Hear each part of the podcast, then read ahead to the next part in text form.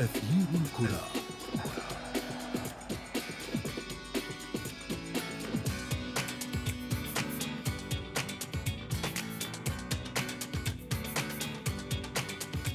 العامل النفسي مفتاح من مفاتيح اللعب على أرض الميدان وصفاء الذهن يلعب دورا كبيرا في تحقيق النتائج المرجوة لقهر الخصوم. فكيف يتحقق ذلك؟ في ظل الظروف الصعبة التي يمر بها اللاعبون في كثير من الأحيان. كل هذا والمزيد في برنامجكم الرياضي أثير الكرة والبداية من العناوين. الإعداد النفسي علم يدرس في أكاديمية اللعبة ويطبق في الملاعب تحت إشراف مختصين. وما بين غرفة الملابس وأرضية الملعب مسافة قصيرة لكنها كافية لقلب النتيجة. وفي فقرة ما لا تعرفونه عن كرة القدم. نكشف لكم كيف ساهم مدرب ليفربول في كسر الجليد قبل مواجهة ريال مدريد في دور الأبطال.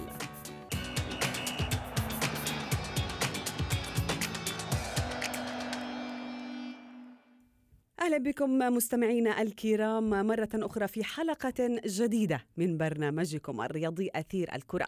وفيه اليوم نفتح ملفا خاصا يتعلق بنجوم اللعبة والأساليب الذهنية التي يتبعونها للحفاظ على مستواهم وبالتالي البقاء في قائمة الأفضل حول العالم.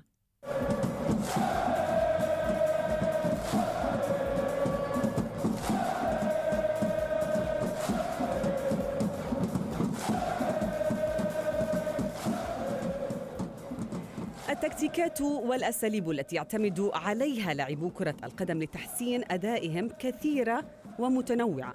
هنا نحن لا نتحدث عن التمارين اليومية الشاقة ولا النظام الغذائي الصحي الذي يتبعه نجوم اللعبة للحفاظ على مركزهم في الفريق وإنما نحن نتحدث عن صفاء الذهن التوازن الروحي إضافة إلى لغة الجسد. كلها عوامل أساسية مثلها مثل التمارين الرياضية المتواصلة والتي تلعب دورا هاما في المحافظة على مستوى اللعب أو تغيير النتيجة حين يكون الفريق متأخرا فيها.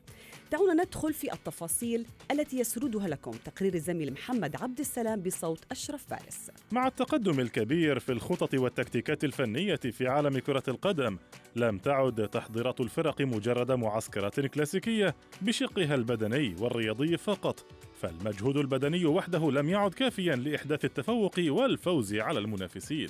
يحتاج اللاعب بجانب ذلك إلى التشجيع والحث على المثابرة لصناعة وسيلة تعينه على الصمود ومجاراة الصراع القوي والمستمر تطلعا لتحقيق الأهداف. من هنا يظهر الإعداد النفسي كعامل مهم وهو أسلوب من أساليب عملية التخطيط والاستعداد للمنافسات جنبا إلى جنب مع الإعداد البدني بل وفي أحيان كثيرة يصبح أكثر أهمية وفاعلية في إحداث التفوق المنشود.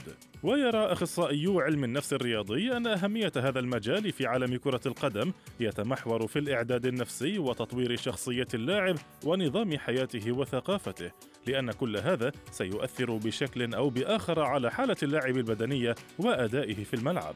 فهناك في كثير من الأحيان فرق صغيرة ومتذيلة للترتيب في جدول دوري ما تتغلب على فريق أكبر وأكثر خبرة منها ومتصدرة للترتيب ويعود هذا لضعف التهيئة النفسية لدى لاعبي النادي الكبير ما أدى إلى استهتارهم بالفريق الآخر فكانت النتيجة هي الخسارة. وهناك أيضا لاعبين كبار في العمر يؤدون مباريات بتألق كبير وأداء ثابت مع أنديتهم مثل ما فعل الأرجنتيني خافير زانيتي نجم إنتر ميلان الإيطالي والذي ظل في الملاعب حتى سن الثانية والأربعين بنفس الأداء والقوة أمام المنافسين.